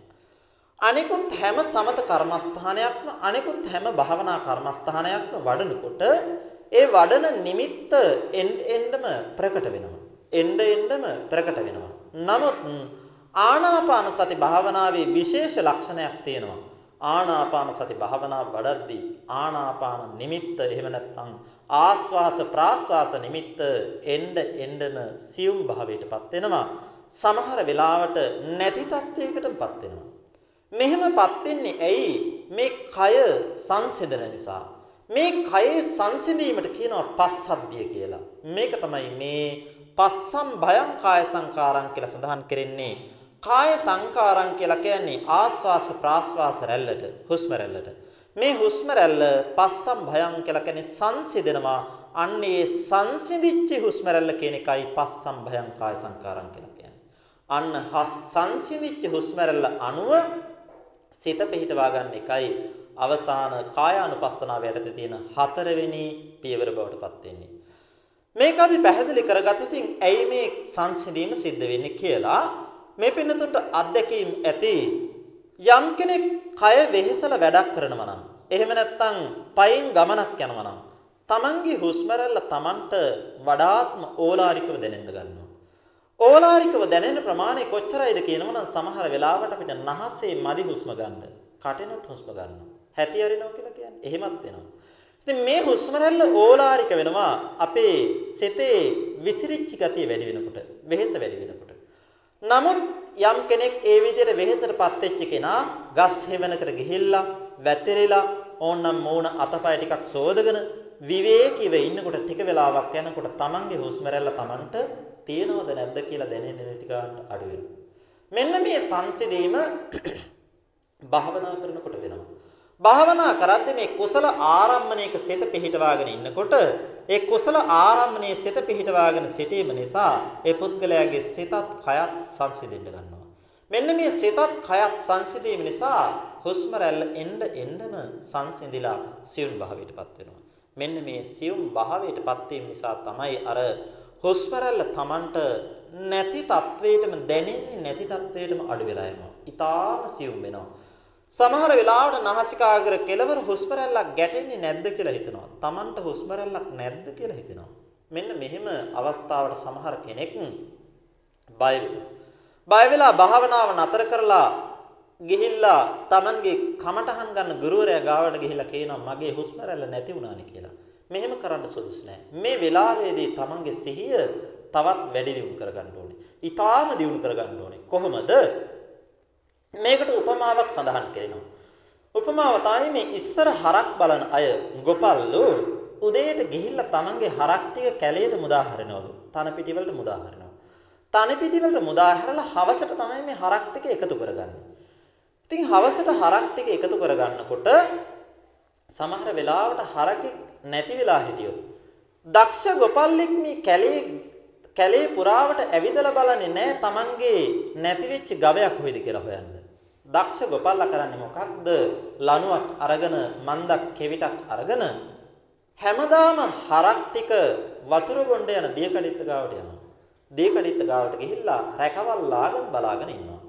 මෙන්න මේ උපමාව සඳහන් කරනවා මේ හුස්ම රැල්ල සංසිඳන අවස්ථාවේදී යෝගාවචරය ක්‍රියා කළ යුතු ආකාරය දක්වන්න. හුස්ම රැල්ල සංසිඳුනහම තමන්ගේ හුස්ම රැල්ලක් නැති ගාන්ටම දැනුනහම යෝගාවචරයා තමන්ගේ භාවනාව නතර කරන්න සුදුසු නෑ. එහෙම නැතුව ශරීරයේ වෙන තැන්වල ඉස්මුදුනේ එහෙම නැත්නම් නාභියේ එහෙම නැත්නම් පෙනාලු වල මේ තැනක හුස්ම රැල්ල තියෙනවද කියලා බලන්න හොඳ නෑ. මේ වෙලාවට හුස්ම රැල්ල හැමදාම ගමන් කරන්නේ නාසිකාග්‍ර කෙළවරෙන්නේ. ඒ නිසා ඒ යෝගාවචරයන් නාසිකාග්‍ර කෙළවරම සිත තියාගන්න ඕනේ. හරියට අර තමන්ගේ ගවයෙක් නැති වෙච්ච ගොපල්ලා හැමදාම ගවයින් ගමන් කරන හැමදාම ගවයින් පෑන් බොණ්ඩ එන දියකඩਿੱත්ත ළඟ බලාගෙන ඉන්නවා වාගේ යෝගාවචරයක් හැමදාම හුස්ම රැල්ල ගමන් කරන නාසිකාග්‍ර කෙළවරම බලාගෙන හුස්ම රැල්ල කෙරෙහි අවධානය යොමු කරන්න කියනවා. මෙන්න මේ වෙලාවේදී සිහිය තවත් දැඩි කරගන්න ඕනේ. සිහිය වැඩි දියුණු කරගන්න කරගන්න කරගන්න Tamanට හුස්ම රැල්ල ප්‍රකට වෙනවා. ඒ වගේම තමයි මෙතනදී නෝනින් මෙනෙහි කරලා බලන්න කියලා කියනවා තමන්ගේ හුස්ම රැල්ල තමන්ට දැනෙන්නෙම නැත්නම් හුස්ම රැල්ල නැති පුද්ගලයෝ 7 දෙනෙක් ඉන්නවා. පුද්ගලයෝ 7 දෙනෙකුට විතරයි හුස්ම රැල්ල නැත්තේ. යම් කෙනෙක් මව් කුස ඉන්නව නම් හුස්ම රැල්ල නැහැ. දීගිරිලා ඉන්නව නම් හුස්ම රැල්ල නැහැ. ඒ වගේම තමයි මරණයටපත් වෙච්ච කෙනෙකුට හුස්ම රැල්ලක් නැහැ. ඒ වගේම තමයි සිහි මුර්ජා වෙච්ච කෙනෙකුට හුස්ම රැල්ලක් නැහැ. චතුර්ථ ධානයකට සම්බන්ධුනොත් ආනාපාන සතියෙන් වෙන්න පුළුවන්, කසින භාවනාවකින් වෙන්න පුළුවන්, මොන භාවනාවකින් හරි චතුර්ථ ධානයකට සම්වැදිච්ච කෙනාට හුස්ම රැල්ලක් නැහැ. රූප අරූප බ්‍රහ්ම ලෝකවල උත්පත්ති ලැබු කෙනාට හුස්ම රැල්ලක් නැහැ. නිරෝධ සමාපත්තියට සම්බන්ධිච්ච ආරයන් වහන්සේට හුස්ම රැල්ලක් නැහැ. මෙන්න මේ පුද්ගලයන් හත් දෙනාට විතරයි හුස්ම රැල්ලක් නැත්තේ. මේ නිසා මේ වෙලාවේදී යෝගාවචරයා නෝනින් කල්පනා කරන්න කියලා කියනවා. මම දියේගිරිලත් නැහැ. මම මව් කුසත් නෙමෙයි ඉන්නේ. මම මරණයටපත් වෙලත් නැහැ. මම සිහිමුර්ජා වෙලත් නැහැ. මම චතුර්ථ ධානයට සංවැදුනේත් නැහැ. මොකද චතුර්ථ ධානයට සංවැදෙන්නේ ප්‍රථම ධානයට සංවැදිලානේ. ඉතින් භාවනා පටන් ගත්ත ගමන් චතුර්ථ ධානයට සංවදින්නේ නැහැ. ඒ නිසා චතුර්ථ ධානයට සංවැදිලත් නැහැ. රූපාරූප බ්‍රහ්ම ලෝකයේ නෙවෙයි මම මේ මනුස්ස ලෝකයේ ඉන්නේ. ඒ වගේම තමයි මම නිරෝධ සමාපත්තියට සංවැදිලත් නැහැ. එහෙමනම් මගේ හුස්ම රැල්ල නැති වෙන්න බෑ. හුස්ම රැල්ල තියෙන්න ඕනේ. මගේ සිහියමදී හුස්ම රැල්ල අල්ලගන්න. හුස්ම රැල්ල පරිග්‍රහණය කරගන්න. ඒ නිසා මෙන්න මේ විදිහට කල්පනා කරලා යෝගාවචරයා තමන්ගේ සිහියත් නුවණත් දෙක තවත් දියුණු කරගන්න ඕනේ.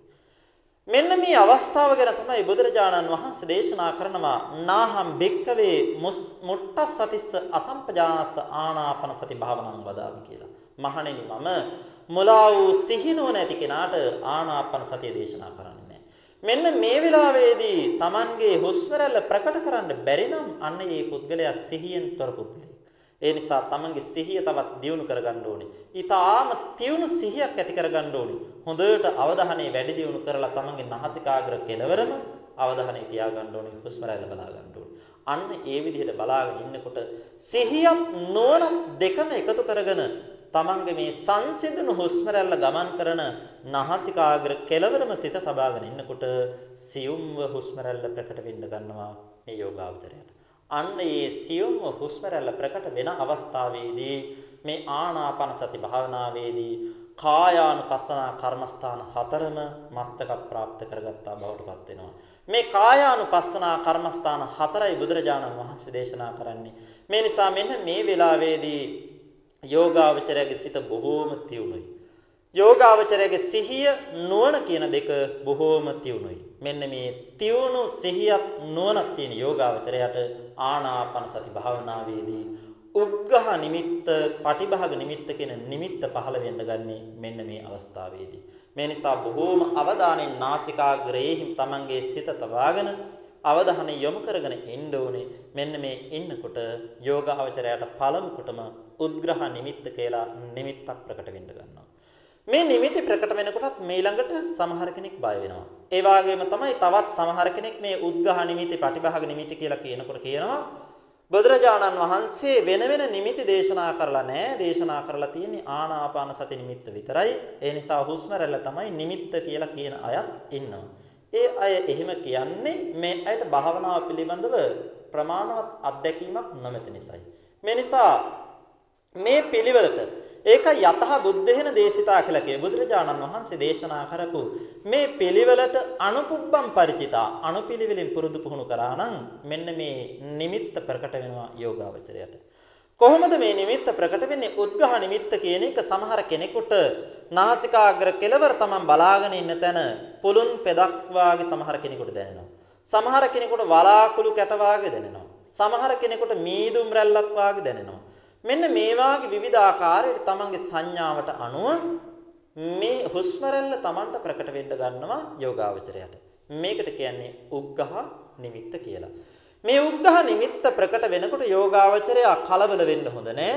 ඒ වෙලාවේදී තමන්ගේ සිත ඒ නාසිකාග්‍ර කෙලවරම තියාගෙන තවදුරටත් ආස්වාස ප්‍රාස්වාස දිහා බලාගෙන ඉන්න ඕනේ. මෙන්න මේ විදිහට බලාගෙන ඉන්නකොට සිහියත් නුවණත් දෙක තවත් තියුණු වෙන්න තියුණු වෙන්න මේ උද්ඝහ නිමිත්ත අතුරුදහන් වෙලා යෝගාවචරයට පටිභාග නිමිත්ත කළ නිමිත්තක් ප්‍රකට වෙනවා වඩාත් දීප්තිමත් ආලෝකයක් වාගේ මේක එක එක්කනාගේ සංඥා නානත්වය අනුව වෙනස් වෙනවා. සමහර කෙනෙකුට චන්ද්‍ර මණ්ඩලයක් වාගේ, සමහර කෙනෙකුට හිරු මඩලක් වාගේ විවිධාකාරයෙන් ප්‍රකට වෙන්න පුළුවන්. ඉතින් මේ කාලේ හැටියට සමහර කෙනෙකුට වඩා ප්‍රකට තියෙන ආලෝක සංඥාවක් සමහර වෙලාවට ප්‍රකට වෙන්න පුළුවන්. සමහර වෙලාවට විශේෂයෙන්ම නගරාශ්‍රිතව ඉන්න අයට මේ වීදි පහන් ආදී ගොඩක් දැකලා පුරුදු වෙනනම් සංඥාව නිතරම දැකලා පුරුදු වෙනනම් ඒ වාගේ දෙයක් උනත් ප්‍රකට වෙන්න පුළුවන්. සමහර වෙලාවට එහෙම මොකුත් නැතුව සියුම් ආලෝකයක් විතරක් තියෙන්නත් පුළුවන්. ඒ නිසා හරියටම හැම කෙනාටම එකම ආකාරයකට කියන්න බෑ. එක එක පුද්ගලයාගේ සංඥා නානත්වය අනුව ප්‍රතිභාග නිමිත්තක් ප්‍රකට වෙනවා. ප්‍රතිභාග නිමිත්ත හඳුනා ගැනීමේදී Tamanට දැනෙන විශේෂ දේ තමයි Tamanගේ සිත එහෙ මෙහෙ දුවන්නේ නැතිව සමන්ගේ සිත සමාධිමත් වුණා කියන එක යෝගාවචරයට දැනෙනවා. ඒ ප්‍රතිභාග නිමිත්ත දකින්නකොට යෝගාවචරයට සිතෙහි ප්‍රීතියක් හටගන්නවා. ඒ වාගේ මේක මේ ප්‍රතිභාග නිමිත්ත පහළ වීමේදී Tamanගේ නීවරණ ටික විස්කම්බන වෙනවා. කාමච්ඡන්ද ආදී පංච නීවරණ ධර්මයන්ම විස්කම්බනේ වෙලා යටපත් වෙලා තමයි මේ ප්‍රතිභාග නිමිත්තක් පහළ වෙන්නේ. අන්න ඒ වෙලාවට ඒ නිසා යෝගාවචරයට භාවනාව අතහරින්නේ නැතිව දිගටම කරගෙන යන්න ඕනේ වාගේ අදහසක් ඇති වෙනවා. ඒ වෙලාවට නතර කරන්න හොඳ නැහැ. පැයක් දෙකක් නමුත් Tamanට ඉන්න පුළුවන් නම් ඒ දිගටම භාවනාව නොනවත්වාම කරන්න ඕනේ. අන්න නොනවත්වාම භාවනාව කරද්දී තව දුරටත් හුස්ම රැල්ල කෙරෙහි අවධානය යොමු කරගෙන ඉන්නකොට මේ පටිභාග නිමිත්තත් සිතත් දෙක එකට එකතු වෙන යම් අවස්ථාවක් Tamanට දැනගන්න ලැබෙනවා. අන්න ඒ වෙලාවේදී යෝගාවචරයට මේ සමස්ත ජීවිතේ පුරාවටම කව කවදාකවත් අත්විඳපු නැති අමුතුම ආකාරයේ අත්දැකීමක් එක්ක විතක්ක ਵਿਚාර ප්‍රීති සුඛ ඒකාග්‍රතා කියන ධ්‍යාන අංග පහකින් යුතුව ප්‍රථම ධ්‍යානයේට මේ යෝගාවචරය ආනාපාන සති භාවනාවෙන්පත් වෙනවා. මෙන්න මෙතන තමයි කායානුපස්සනා භාවනාවේදී බුදුරජාණන් වහන්සේ දේශනා කරන පළවෙනිම ධ්‍යානය අත්පත් කරගන්නේ. ඉතින් මේ ධ්‍යානයටපත් වෙන්න නම් අනිවාර්යයෙන්ම ආස්වාස රැල්ලත් ප්‍රාස්වාස රැල්ලත් දෙක පරිග්‍රහණය කරගන්න පුළුවන් වෙන්න ඕනේ. ඒ වගේම තමයි මේ නිමිත්තක් Tamanට ප්‍රකට වෙන්න ඕනේ. නිමිත්තක් ගැන කියන්නේ නැති සමහර කෙනෙක් කියනවනේ මේ පටිභාග නිමිති ආදී නිමිති නැහැයි කියලා. අන්න ඒ නිමිති නැහැයි කියන අයට මේ සූත්‍ර අර්ථ කතාවල ධර්මයේ සඳහන් වෙනවා. නිමිත්තං අස්සාස පස්සාසා ආදිමජ්ජ පරියෝසානං සතියා අනුගච්ඡන්තේන සඳහන් කෙරෙනවා මේ නිමිත්ත ආස්වාස ප්‍රාස්වාසී කියන මෙන්න මේ තුන මේක දන්නේ නැත්නම් අජානන්තෝ තයෝ භාවනා නූපලබ්බති. මෙන්න මේ තුන දන්නේ නැති කෙනාට කවම් කවදාකවත් ආනාපාන සතියේ භාවනාවක් ලබන්න බෑ සමෘද්ධමත් කරගන්න බෑ කියලා සඳහන් වෙනවා. ඒ නිසා මේ ප්‍රතිභාග නිමිත්ත ආදී නිමිත්ත මනාව හඳුන ගන්න ඕනේ. මනාව හඳුනගෙන තමන්ගේ සිත විසිරෙන්න දෙන්නේ නැතිව තමන්ගේ සිත වෙනත් අරමුණු වලට දෙන්නේ නැතිව යන්න දෙන්නේ නැතිව භාවනාව දිගටම කරගෙන යන්න පුළුවන් නම් අන්න ඒ පුද්ගලයාට තමයි ප්‍රථම ධානයට තමන්ගේ සිතපත් කරගන්න පුළුවන් වෙන්නේ. ඉතින් මෙතනදී තවත් වැදගත් කාරණයක් මතක් කරන්න ඕනේ. සමහර වෙලාවට මේ නිමිත්ත පිළිබඳව සමහර කෙනෙකුට වැරදි වැටහෙන්න තියෙනවා. Tamanට මේ ආලෝක සංඥාවක් ප්‍රකට වුණොත් එහෙම එහෙම නැත්නම් නිමිත්තක් ප්‍රකට වුණොත් එහෙම සමහර කෙනෙක් මේක ඊළඟට විවිධාකාරයෙන් පරීක්ෂා කරන්න යනවා. ඒක සුදුසු නෑ. මේ නිමිත්ත පිළිබඳව සඳහන් වෙන්නේ කොහොමද ධර්මයේ? යම්සේ සක්විති රාජ දේවියක් සක්විති දරුගැබක් රැකගන්නේ කොහොමද? අන්න ඒ විදිහට රැකගන්න කියලා කියනවා. යම්සේ ගොවියෙක් හැල් කුඹුරක් රැකගන්නේ කොහොමද? බණ්ඩි වෙච්ච කුඹුරක් බණ්ඩි කුඹුරක් රැකගන්නේ කොහොමද?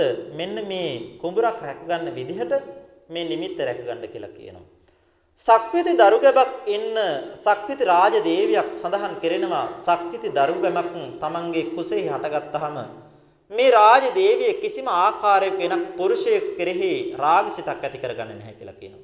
කිසිම අඩුම තමයි රජතුමා කෙරෙහිවත් රාගසිතක් ඇති කරගෙන කාම සේවනයේ යෙදෙන්නේ නැහැ කියලා කියන මේ දරුව බිහි වෙනකම් ඒ තරම් ඊටාම ආරක්ෂා සපයනවා. ඒ වගේම සතරවරන් දෙවි රජවරු මේ සක්විති දරුගැබට ආරක්ෂාව සලසනවා.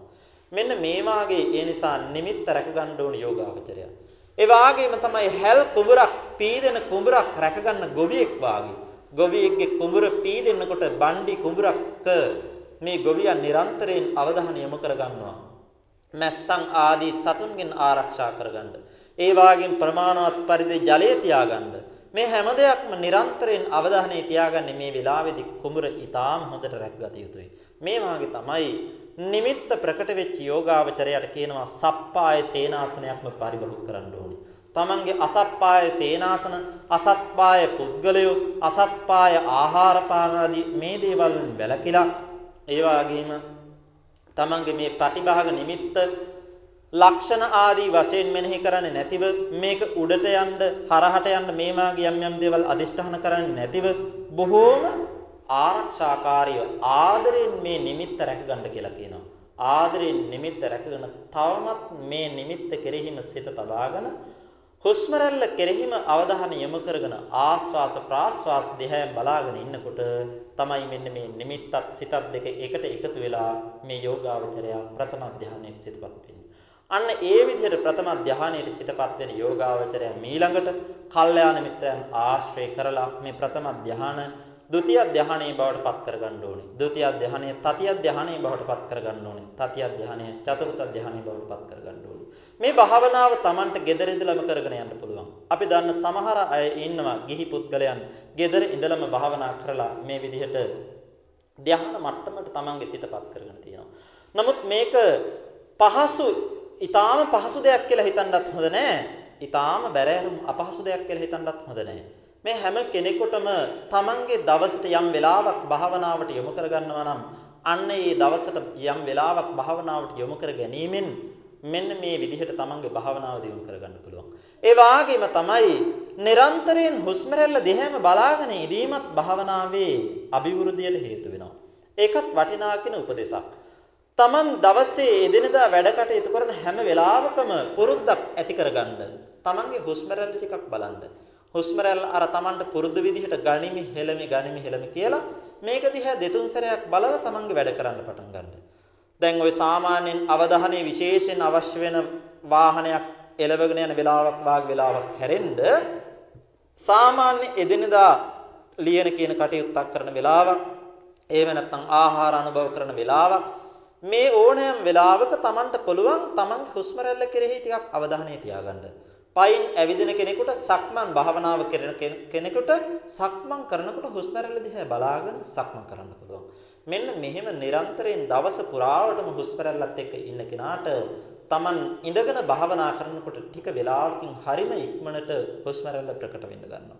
හරිම ඉක්මනට හුස්ම රැල්ල ප්‍රකට වෙලා නිමිති ප්‍රකට වෙලා ධානා මට්ටමට Tamanගේ සිත දියුණු කරගන්න ලැබෙනවා. ඒ නිරන්තරයෙන්ම සිහියෙන් යුතුව හුස්ම රැල්ල දිහා බලාගෙන ඉඳීමෙන්.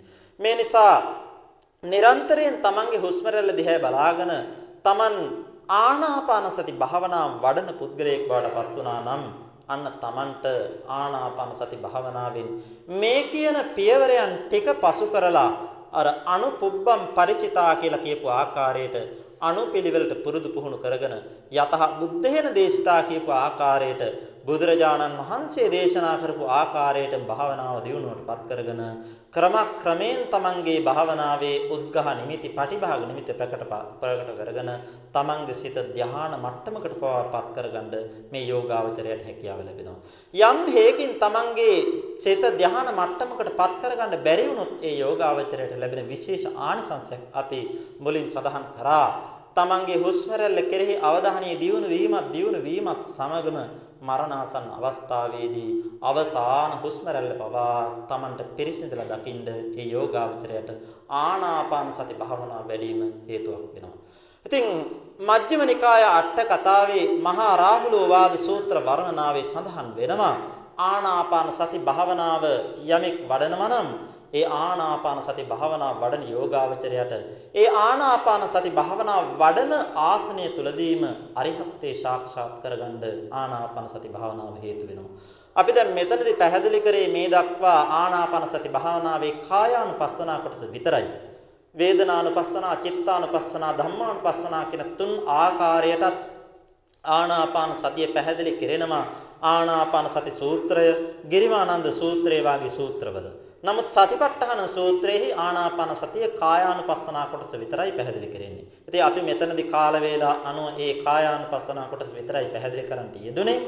මේ විදිහට ආනාපාන සති භාවනාවේ යොදන යෙදෙන කෙනා සතර සතිපට්ඨාන භාවනාවම වඩනවා කියලා අපි මුලින් මාතෘකා කරන්ට යෙදුවේ ඒකයි. යමෙක් කායානුපස්සනාවෙන් එහාට ඉතිරි සතිපට්ඨාන ධර්මිනුත් වැඩෙන ආකාරයට ආනාපාන සතිය වඩනවා නම් අන්න සතර සතිපට්ඨානයන්ම වැඩෝ වෙනවා. ඒ සතර සතිපට්ඨානයන්ම වැඩිලා ඒ භාවනා කරන ආසනය තුලදීම සප්ත බොජ්ජංග ධර්මයන් මස්තක ප්‍රාප්ත වෙලා සත්‍තිස් බෝධිපාක්ෂික ධර්මයන් මස්තක ප්‍රාප්ත වෙලා පෙරපස නැගෙන පුරසඳ මඩලක් වාගේ තමන්ගේ සිත දියුණුවෙන් දියුණුවටපත් වෙලා සෞඛ්‍යලස් නසා අරිහත්වේ සාක්ෂාත් කරගන්න ආනාපානසති භාවනාව හේතු වෙනවා කියලා සඳහන් වෙනවා. යම් හේකින් ඒ විදිහට අරිහත්වේ සාක්ෂාත් කරගන්න බැරි වුණොත් එහෙම ඒ අයට අර සඳහන් කරපු ආකාරයට මරණාසන්න අවස්ථාවේදී අවසන් හුස්ම රැල්ල පවා පිරිසිදලා දකින්න පුළුවන් වීම නිසා ඒ අවසන් හුස්ම රැල්ලේ ඇතිවීමත් පැවතීමත් නැතිවීමත් කියන තුන් අවස්ථාව උත්පාද තితి භංග කියන තුන් අවස්ථාව සිතෙන් මෙනෙහි කරමින් ඉඳලා විදසුන් වඩලා ඇතම් කෙනෙක් මරණයටපත් වෙන අවස්ථාවේදී අරිහත්වයටපත් වෙලා අරිහත්වයටපත් වීමත් පිරිනිවන් පෑමත් කියන දෙකම එක අවස්ථාවේ සිදු වෙලාත් යම් කෙනෙක් නිවන් සාක්ෂාත් කරගන්නවා කියලා සදාන් කරනවා. ඒ විදිහට නිවන් සාක්ෂාත් කරගන්න රහතන් වහන්සේලාට කියනවා සමසීසී රහතන් වහන්සේ කියලා.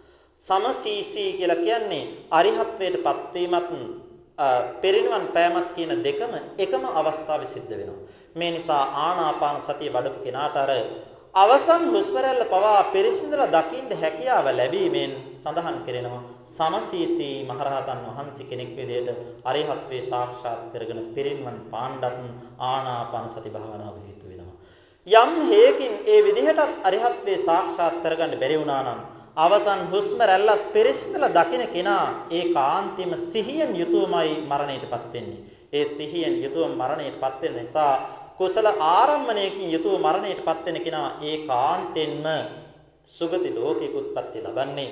කම කවදාකවත් සතර අපාය උත්පත්ති ලබන්නේ නැහැ මේ අවසන් හුස්ම රැල්ලක් පිරිසිදලා දකින කෙනා.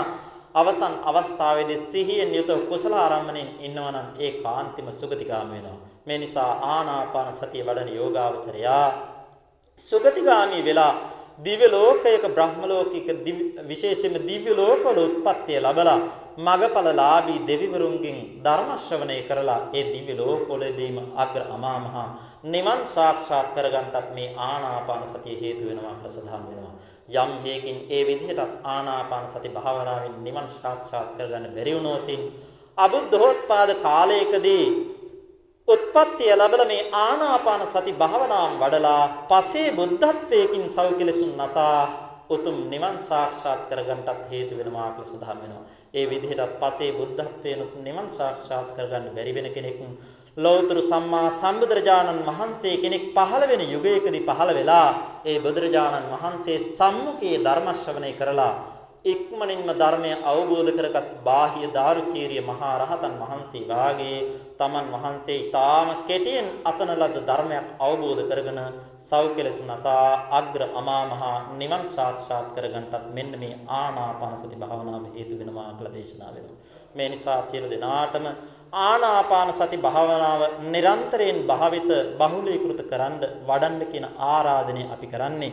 මේ භාවනාව නිරන්තරයෙන් වඩලා මේ ජීවිතයේදීම ධ්‍යාන මට්ටමට තමන්ගේ සිතපත් කරගත්තොතින් ධ්‍යානයත් සමග නිවන් සාක්ෂාත් කරගත්තු නැති අයට මරණින් මත්තේ බ්‍රහ්ම ලෝක උත්පත්ති ලබන්න ආනාපාන සති භාවනාව හේතු වෙනවා. ඒ මට්ටමකට තමන්ගේ සිත දියුණු කරගන්න බැරි වෙච්ච කෙනාට මේ ආනාපාන සති භාවනාවෙන්ම නාම රූප පරිග්‍රහණයට යොමු වෙලා නාම රූප පරිග්‍රහණය කරලා විදසුන් වඩලා උතුම් නිවන් සාක්ෂාත් කරගන්නටත් හේතු වෙනවා. එහෙමත් බැරි කෙනෙකුට අර සඳහන් කරපු ආකාරයකට යම් ආත්ම භාවයකදී ඊටාම ඉක්මනින් ධර්මය අවබෝධ කරගෙන මේ දුකත් සමුදයත් නිරෝධයත් මග්ගයත් කියන චතුරාර්ය සත්‍ය ධර්මයන් අවබෝධ කරගෙන සත්‍තිස් බෝධිපාක්ෂික ධර්මයන් මස්තක ප්‍රාප්ත කරගෙන බුදු පසේ බුදු මහා රහතන් වහන්සේලා අවබෝධ අවබෝධ කරන්ට යෙදුණු අග්‍ර අමා මහ නිවන සාක්ෂාත් කරගන්නටත් මේ ආනාපාන සතිය හේතු වෙනවා කියන අදහසින් යුතුව සියලු දෙනාටම නිරන්තරයෙන් ආනාපාන සතිය වඩන්ඩ ආනාපාන සති භාවනාව පුරුදු පුහුණු කරගෙන තමන්ගේ ජීවිතය සාර්ථක කරගෙන තමන්ගේ නිවන් මාර්ගයේ සාක්ෂාත් සාර්ථක කරගන්න කියන ආරාධනය අපි මේ අවස්ථාවේ සියලු දෙනාටම මතක් කරනවා. එහෙමනම් මේ අවස්ථාවේදී අපි පැයකට අධික කාලයක් ධර්ම ශ්‍රවණය කරන්ට යෙදුණා. මේ වෙලාවේදී ආනාපාන සති භාවනාව පිළිබඳව අපි පැහැදිලි කරලා දුන්නේ. යම් කෙනෙකුට නිරන්තරයෙන් අපේ භාවනා වැඩසටහන් වලට සහභාගී වෙන්නේ නැත්නම් ඒ අයට තමන්ගේ නිවසේදී ආනාපාන සති භාවනාව වැඩන්න උපකාරයක් වීම සඳහායි මේ නිසා ඒ උපකාරයේ ඒ සඳහන් කරන්ට දෙන උපදෙස් ඒ අනුව පිළිපදෙමින් යම් ගැටලුවක් තිබෙනවා නම් කල්යාණ මිත්‍ර ස්වාමින් වහන්සේලා ඇසුරු කරමින් ඒ තමන්ගේ ගැටලු निराකරණය කරගත හැකි ඒ විදිහට निराකරණය කරගෙන මේ ආනාපාන සති භාවනා වඩලා සෑම සුළු දිනාටම සෞඛ්‍යලෙස නසා අග්‍ර අමාමහා නිවන් සාක්ෂාත් කරගන්නටත් ලැබේවා ලැබේවා කියලා සෑම සුළු දිනාම ප්‍රාර්ථනා කරනවා. මනම් මේ අවස්ථාවේදී අපි ධර්ම ශ්‍රවණය කිරීම වශයෙන් උදාර පුණ්‍ය ධර්ම සමුදායක් රැස් කර ගන්නට යෙදුනා. මේ රැස් කර ගන්නට දුන සෑම සියලු පුණ්‍ය ධර්මයක්ම අපි අපගේ සම්බුද්ධ ශාසනයත් ආරක්ෂා කරන අල්පේශාකි මහේශාකි ආත්මාරක්ෂක ලෝකපාලක සෑම සිළු දිව්‍යතා මණ්ඩලයට අනුමෝදන් කරමු දෙවියෝ. මෙතින් දැකබලා සතුට වී දිව්‍ය යසීසුරු වඩ වඩාත් වර්ධනය කරගනිත්වා. අපි සෑම සිළු දිනාටත් සම්බුද්ධ ශාසනයට අවශ්‍ය ධාර්මික දිව්‍යතා මණ්ඩලයේ රැකවරණය ලබා දේවා. දෙවියෝ මෙපින් අනුමෝදන්ව අග්‍ර අමා මහ නිවනින් සැනසෙත්වා කියලා ප්‍රාර්ථනා ඇති කරගෙන දෙවියන්ට පින් අනුමෝදන් කරමු.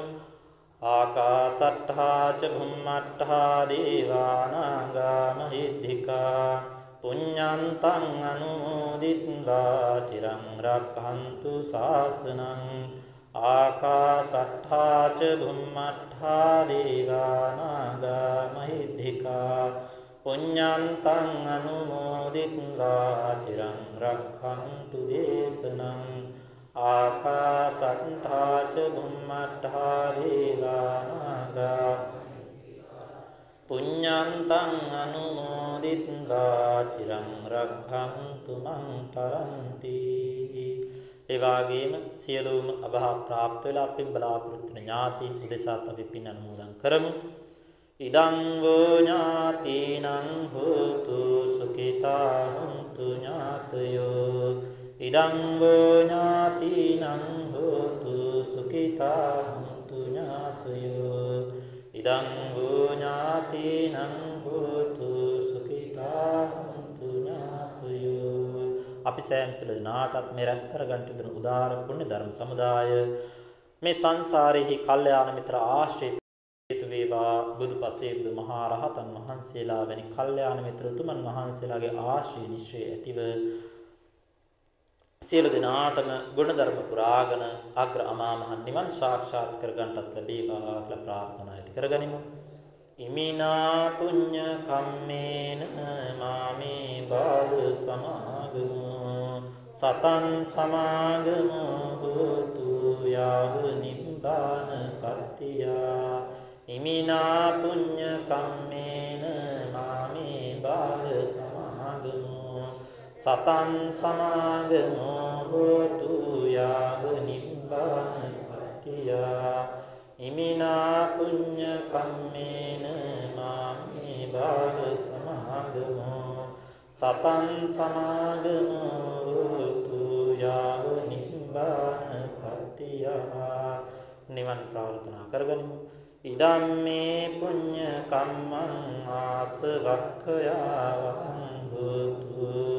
සබ්බ දුක්ඛා පංචතු ප්‍රතිපත්ති පූජාව කරමු. ඉමාය ධම්මානු ධම්ම පටිපත්තිය බුද්ධං පූජේමි. ඉමාය ධම්මානු ධම්ම පටිපත්තිය ධම්මං පූජේමි. ඉමාය ධම්මානු ධම්ම පටිපත්තිය සංඝං පූජේමි.